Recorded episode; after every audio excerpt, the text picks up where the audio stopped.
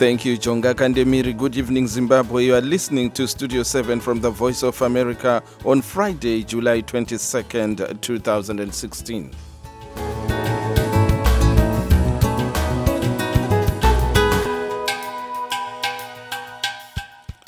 Uh, thank you for joining us live uh, from Washington. This is Chris Gande. Here are our top stories this evening. Zimbabwean business mogul Strive Masiyiwa rubs shoulders with Obama at a development summit in Washington. How do you introduce the President of the United States? they said to me, I had three minutes. I said, In Africa, I can't say my name in three minutes. it's a great honor and privilege to introduce President Obama. Zimbabweans speak out on war veterans' move to dump President Robert Mugabe. I was surprised uh, that they could make this declaration, uh, but I think it was coming uh, because the war veterans are sort of being put in a corner. And an international AIDS conference ends in South Africa with a lot of optimism in the fight against the virus. These stories and much more coming up. Stay tuned.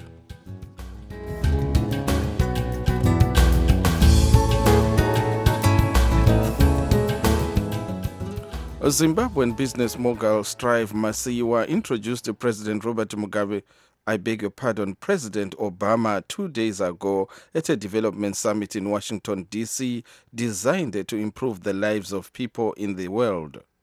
The event was the White House Summit on Global Development, which brought together top global experts to talk about the progress that President Obama and his administration have made in energy, food security, global health, good governance, development partnerships, and youth initiatives around the world. Masiyiwa had this to say when he introduced the United States President to the people that were attending the summit. How do you introduce the President of the United States? They said to me, I had three minutes. I said, In Africa, I can't say my name in three minutes.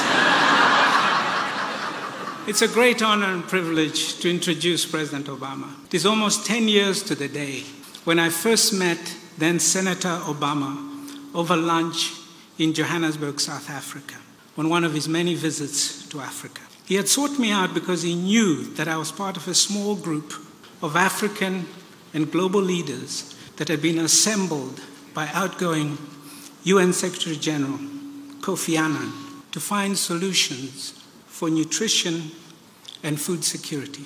During the lunch, I quickly realized how immersed he was in the key issues affecting global development, in particular in Africa. He did not need me to tell him that women smallholder farmers are the backbone of agriculture in the developing world, or that parts of Africa and India, close to 40% of the children, are stunted because of poor nutrition, or that over a billion people have no access to electricity. It was clear then that Senator Obama had a, clear, had a global vision for how we tackle poverty, promote inclusive growth, and safeguard the sustainability of our planet. He understood it required bold leadership and unprecedented cooperation on the part of governments, donors, philanthropists, civil society, and the private sector. President Obama's presidency has been a testament to this vision. Even as the global financial crisis into which he was elected raged, he put global development at the center from the very beginning and he stayed the course, as many of you know.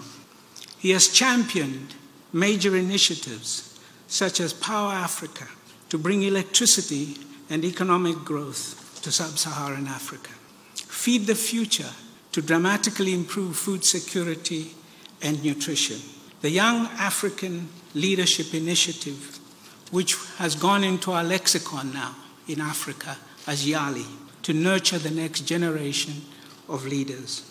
The Global Entrepreneurship Summit to pivot our focus to entrepreneurship and job creation, and more, much more. In short, President Obama has rolled out the most audacious agenda on global development of any administration in history. I know there are a billion Africans who look forward to the next phase of his deep relationship with our continent. Thank you. Please join me in welcoming the man of many legacies, the 44th President of the United States of America, President Barack Obama.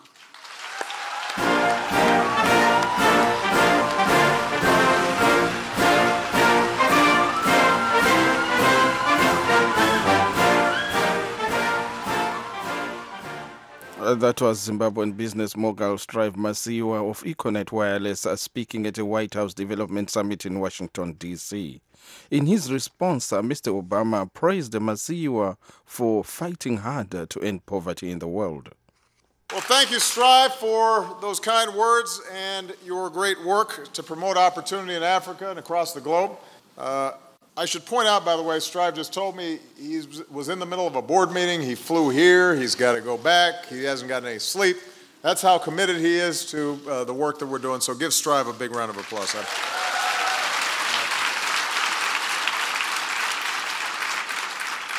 So this is quite a group. Just a lot of do-gooders in one room. and sometimes when I'm talking to young interns at the White House uh, who are still immunizing themselves from the cynicism that's so chronic in this town, I remind them if you had to choose a moment in history to be born and you didn't know ahead of time who you were going to be, you choose now. Because the world has never been less violent, healthier, better educated, more tolerant, with more opportunity for more people and more connected than it is today. And all of you can take great pride in these historic achievements. It's a testament to what's possible when we work together governments, multilateral institutions, the private sector, and civil society. And it is a testament to our shared commitment to the dignity of every human being. This is something I was nursed on. Some of you know my mother worked with USAID and the Ford Foundation, traveling places like Indonesia and Pakistan, uh, working to help lift up the rural poor, particularly women. It's something that I tried to apply myself as a young grassroots organizer on the south side of Chicago, working with people who wanted to expand hopes and opportunity and jobs in forgotten neighborhoods. I've seen the possibilities of progress, and so have all of you. And yet, we are humbled by the work that remains. When some 800 million men, women, and children subsist on less than $1.25 a day, when 11 boys and girls are dying every minute from mostly preventable causes, when hundreds of women are dying every day from having a baby, when all this is happening right before our eyes, we know we've got a lot of work to do. Uh, that was U.S. President Barack Obama speaking at a White House Development Summit in Washington, D.C.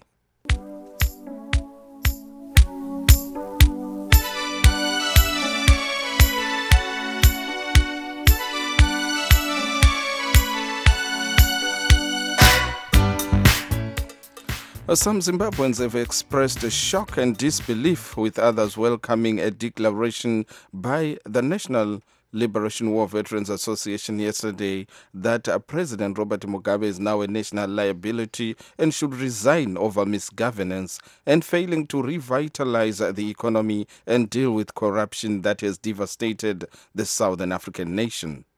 Patricia Mudadigwa reports from Harare.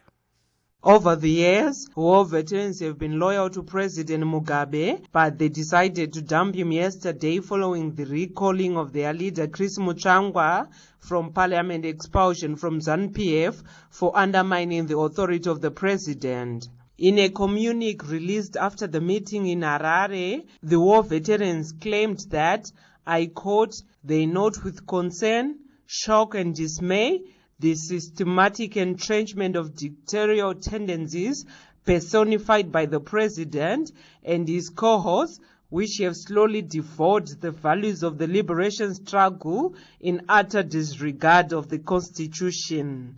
And quote. Reacting to the former freedom fighters' move to dump Mr. Mugabe and abandon him ahead of the 2018 presidential elections, Harare resident Love Mokadenge said, He was stunned by the brazen stance taken by the war veterans at yesterday's meeting. I was surprised uh, that they would make this declaration, uh, but I think it was coming uh, because the war veterans are sort of being put in a corner, especially when their leader, uh, Chris Mutsvangwa, and the previous ones, Jabulani Sibanda, and the other guys, the trend has been the same that they are removed from ZANU PF when they don't toe the line.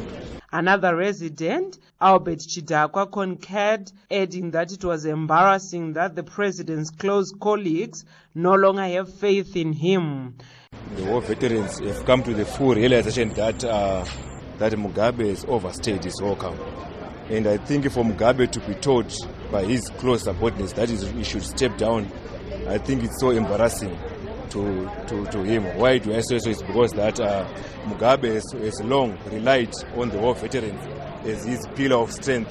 Chidakwa, however, said it was highly unlikely that he would hit the war veterans call to step down. What I see and uh, how I know Mugabe, Mugabe has never listened to anyone. Alfred Zurutwe, a political activist, said he was excited that finally the war veterans have realized that the president is a national liability.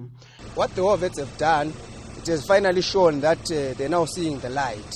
We've been trying all along to enlighten them that things are not going the way they are supposed to be, and what they went to war to fight for is now the other way around. Only a few are now enjoying their hard uh, uh, times that they uh, faced in the bush. A political analyst, Kudakwa Shetsiga, said while he applauded the war veterans for speaking with the same voice with the masses, it was unfortunate that they are doing so when they have assisted in allegedly destroying Zimbabwe.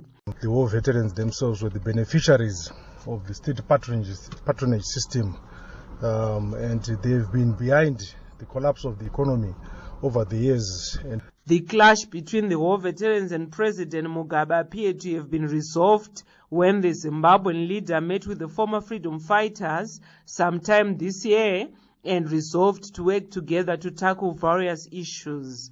However, the war veterans who once received lump sums of 50,000 each in the 1990s after complaining bitterly of, of being neglected by Mr. Mugabe's government say the president has not fulfilled all the promises made at that meeting. ZANU-PF is currently gripped by factionalism pitting two camps that are fighting for the succession of the 92-year-old President Mugabe. Reporting for Studio 7 from Harare, this is Patricia Mudadigwa. Uh, thanks, Patricia. Meanwhile, Mandi Chimene, who claims to be the new leader of the war veterans, uh, said uh, the former freedom fighters' move is baseless as they were no longer members of the organization.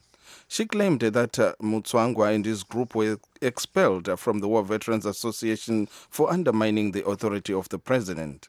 However, the war veterans insist they are in charge and want uh, Mr. Mugabe to go.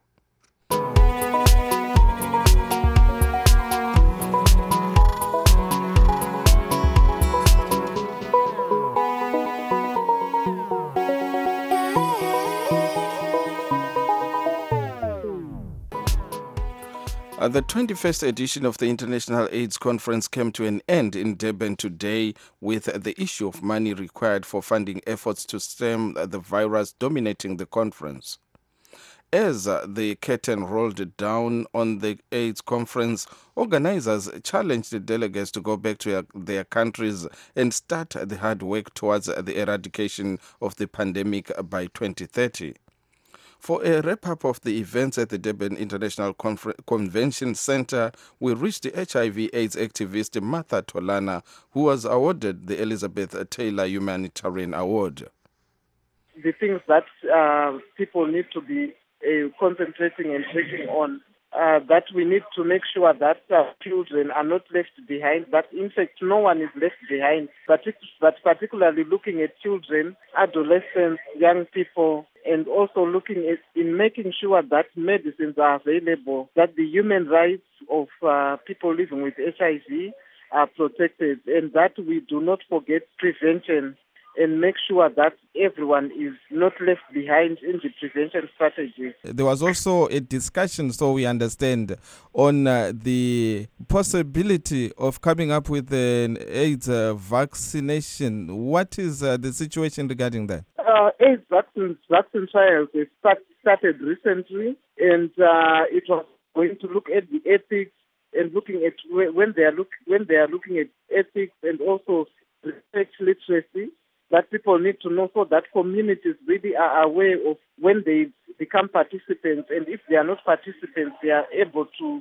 support those who are participating in the trials and also giving correct information. And that we should not forget prevention but also looking at treatment issues uh, looking at all the optimal treatment issues uh, that was HIV AIDS activist Martha Tholanah. She spoke to Studio 7 on the line from Durban, South Africa.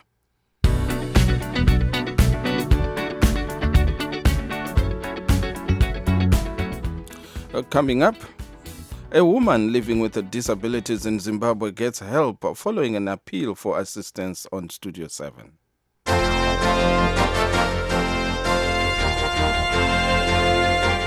But first, a look at regional and international news. Whistleblower and former U.S. intelligence contractor Edward Snowden says he's working on a mobile phone case that would prevent users from being spied on.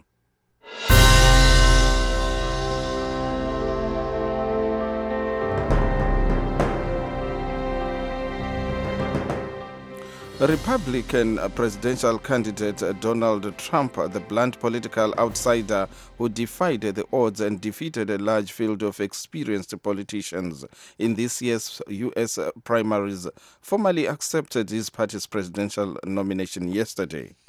Trump promised to bring sweeping political change to create wealth and to make America safe again in a speech that excited delegates on the fourth and final day of their national convention in Cleveland.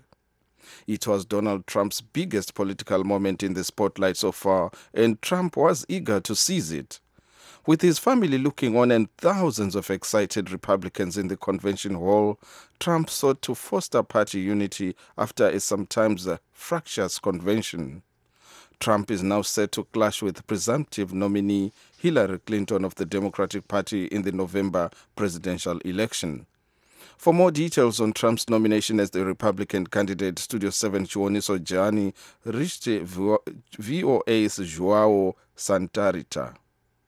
But uh, I must say that last night was perhaps one of the few nights in this convention where there was no controversy as such, apart from what you can, uh, what you might take from the, the speech. And so, but this is the was the night in, in which he accepted his nomination. That's how he opened the speech, and and then he proceeded to make a speech giving his vision about the situation in America and what are his plans for the future. Did Donald Trump say anything new in his speech last night to reaffirm his candidacy, especially in light of what Ted Cruz did on Tuesday night? Uh, you know, you must remember that uh, uh, the whole primary campaign of Donald Trump was uh, uh, marked by many controversies by his statement. This was a more, let's say, presidential statement. Was a very long speech. Uh, uh, I must say it was also a very pessimistic speech about the situation in America and in the world. But it was, in a sense, uh, you could see that it was a, a well-crafted speech, speech in which he, he conveyed his opinion that the situation in the world has deteriorated and also in America. And of course, he blamed this on on the current administration of Barack Obama and, as far as foreign policy is concerned, on Secretary Clinton, who was Secretary of State in the first Barack Obama mandate. I must say that as far as uh, foreign policy is concerned, Donald Trump talked about a more isolationist policy. He talked about policy of America first and then globalization. And made it clear that he wants a policy where the interests of America will be put first, and then only then can you talk about multilateralism. That was VOA's Joao Santa Rita of the Portuguese service on the line with Studio 7's Chiwoniso Jani from Cleveland, Ohio. Next, an editorial reflecting the views of the United States government. Prominent independent social researcher and political commentator Kem Ley was shot and killed in Phnom Penh on Sunday, July 10th. Let me share my condolences for the dead. I condemn this brutal act, Prime Minister Hun Sen said in a Facebook post later that day. He also called on authorities to take strong action in the case and try to control and strengthen security in order to protect the safety of people across the country. In a Facebook post, Sam Rainsy, the president of the opposition Cambodian National Rescue Party, strongly condemned the killing. Mr. Kem Ley was a dignified son of Cambodia who actively participated in the fight for democracy and justice for the Khmer people, he wrote. I never thought that I was going to live long, Mr. Ley reportedly said. One day I might die or be shot to death, but as long as I live, I will say what others dare not to. No one can buy me or make me not speak out. We are deeply saddened and concerned by reports of the tragic killing of prominent Cambodian political commentator Dr. Kem Ley, said John Kirby, Assistant Secretary and State Department spokesperson, in a statement. We offer our sincere and profound condolences to his family, friends, and colleagues. The United States, he said, is following developments in this case closely, noting the Cambodian government's call for an investigation and urged that authorities ensure this process be thorough and impartial. That was an editorial reflecting the views of the United States government. A Zimbabwean family based in New York, here in the USA, recently donated blankets, clothes, groceries, and money for transport to Anna Lungisani, a blind Epworth woman living with HIV, whose plight for help was aired here on Studio 7. A Studio 7 reporter, Marvelous Mhlanganyahuye, also donated some items to Lungisani. Our correspondent Safari Njema witnessed the handing over of the goods and some money to Lungisani and filed this report. Lungisani's family says it is grateful for the love shown by Veronica and Bernard Domingo, a Zimbabwean couple living in New York. Anna says she can now keep warm this winter with food to eat. I'm happy because I was suffering very much. Even during the night, I spent the whole night thinking because I was lonely. Especially these days, it is too cold. They help me. They show that they have so much love with others. So I want to thank them, Mr. Domingo and their wife, Miss Marvelous. May God, the Lord, bless you all. Her 12 year old sister Rachel, who handles all household chores, says the donation has given her sibling hope that one day she will be strong enough to take care of herself. I feel happy because now my sister can have clothes, she can have things to eat, and we can wash her clothes with things that you give us, like soap, safe, and she can eat whether I'm not here. If my sister can see, she can help me to wash plates, help me to sweep in the house when I'm in school. And I need her. If she can walk to help me, if she can do anything is needed at home. Lungisani, a widow, went blind at the age of 29 soon after the death of her husband. She has been struggling to survive. 22 year old Christopher Chakuchichi, who stays in the neighborhood, said people should always respond to calls of those in need. I think this is a good initiative as it sets a very good example in the society. And not only does it set a good example, but then uh, it also encourages others to come forward and help this person in need. It gives the person who has been helped the peace of mind so that uh, they won't be stressed. Tinotenda Piri from Banket, who uses a wheelchair and teaches at Raffingora High School, says it is important for Zimbabweans and other nationals to donate to people like Anna because such help changes their lives. Piri says people with disabilities should also be seen to be donating to others in Anna's situations. We have to understand that um, when something happens to somebody, they need their um, their community, they need their fellow countrymen to do something, because you never know. One day you might also be in such a situation as this lady, and you might actually need to be held by your fellow Zimbabweans. Retired member of the Natural Resources Board, Victor Muunganirwa says the Department of Social Welfare should work together with the private sector and other stakeholders to raise funds for the Social Welfare Fund. He was responding to comments by an official from the Department of Social Welfare who declined to be named that they were now concentrating on assisting people in rural areas due to shortages of funds. In short, this means uh, we will have failed. In a way, we were supposed to have assisted these people. The real thing is a lot of us look for assistance from the government. A lot of people will be looking forward to see the government assisting if these people are identified in their communities or areas. As it is now, as we are discussing it as a subject, this is very, very difficult as it is being said by the government that they don't have enough to assist these people. His views are supported by Senator Nyamayabo Mashavakure, who represents people with disabilities in Parliament, who says the number of people requiring assistance is continuing to grow. They've developed a program called Harmonized Social Cash Transfer, which is supposed to give about, I think, $20 a month to whichever family will have been chosen or whichever family will have been will be affected and uh, of course that amount again is not too much. Twenty dollars uh, if you even if you're in a rural area a bucket of maize probably now in this drought situation could cost anything from ten dollars upwards. It, it means that if you want to go and collect that money you need some transport and then possibly change that. You can come and use to buy something for yourself mealie meal or maize or whatever.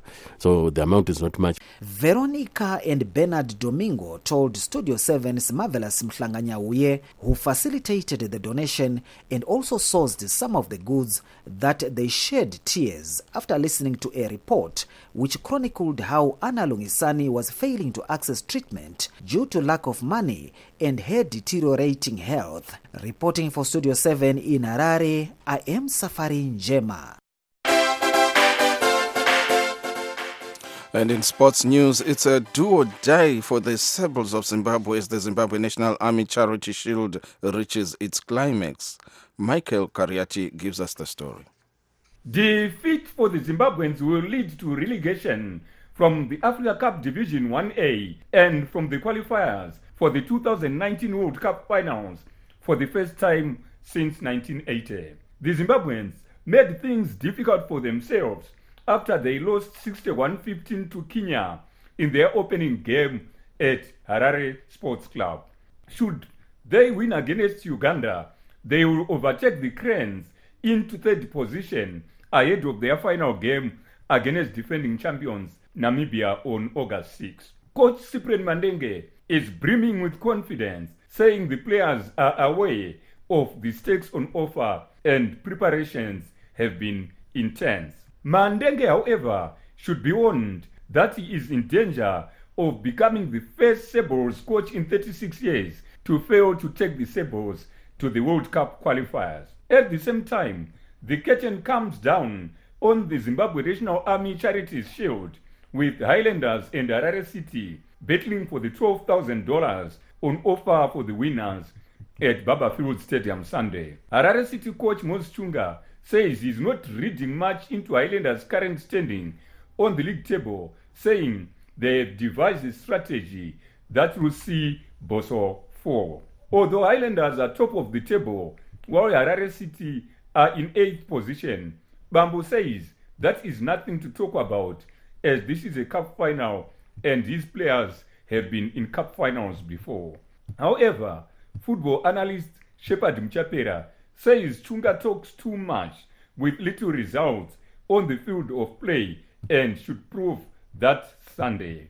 Yeah, Moses Chunga, uh, to me, is very talkative. Although the man on offer, 12,000 for the winners and 8,000 for the losers, is little, in Zimbabwe, it is better to have that little than nothing at all. Reporting for Studio 7 in Harare, this is Michael Kariati. Uh, thanks, Michael. And on Studio 7 Live Talk tonight, we'll be talking about war veterans' move to dump President Robert Mugabe, claiming that he's a dictator. And now to recap today's top stories. Zimbabwean business mogul Strive Masiyiwa rubs shoulders with Obama at a development summit in Washington. Zimbabweans speak out on war veterans' move to dump President Mugabe and an international AIDS conference ends in South Africa with a lot of optimism in the fight against the virus. That's our broadcast this evening. now stand by for Studio 7 in Ndebele with Ntungamili Nkomo. This is Chris Gande. Good night.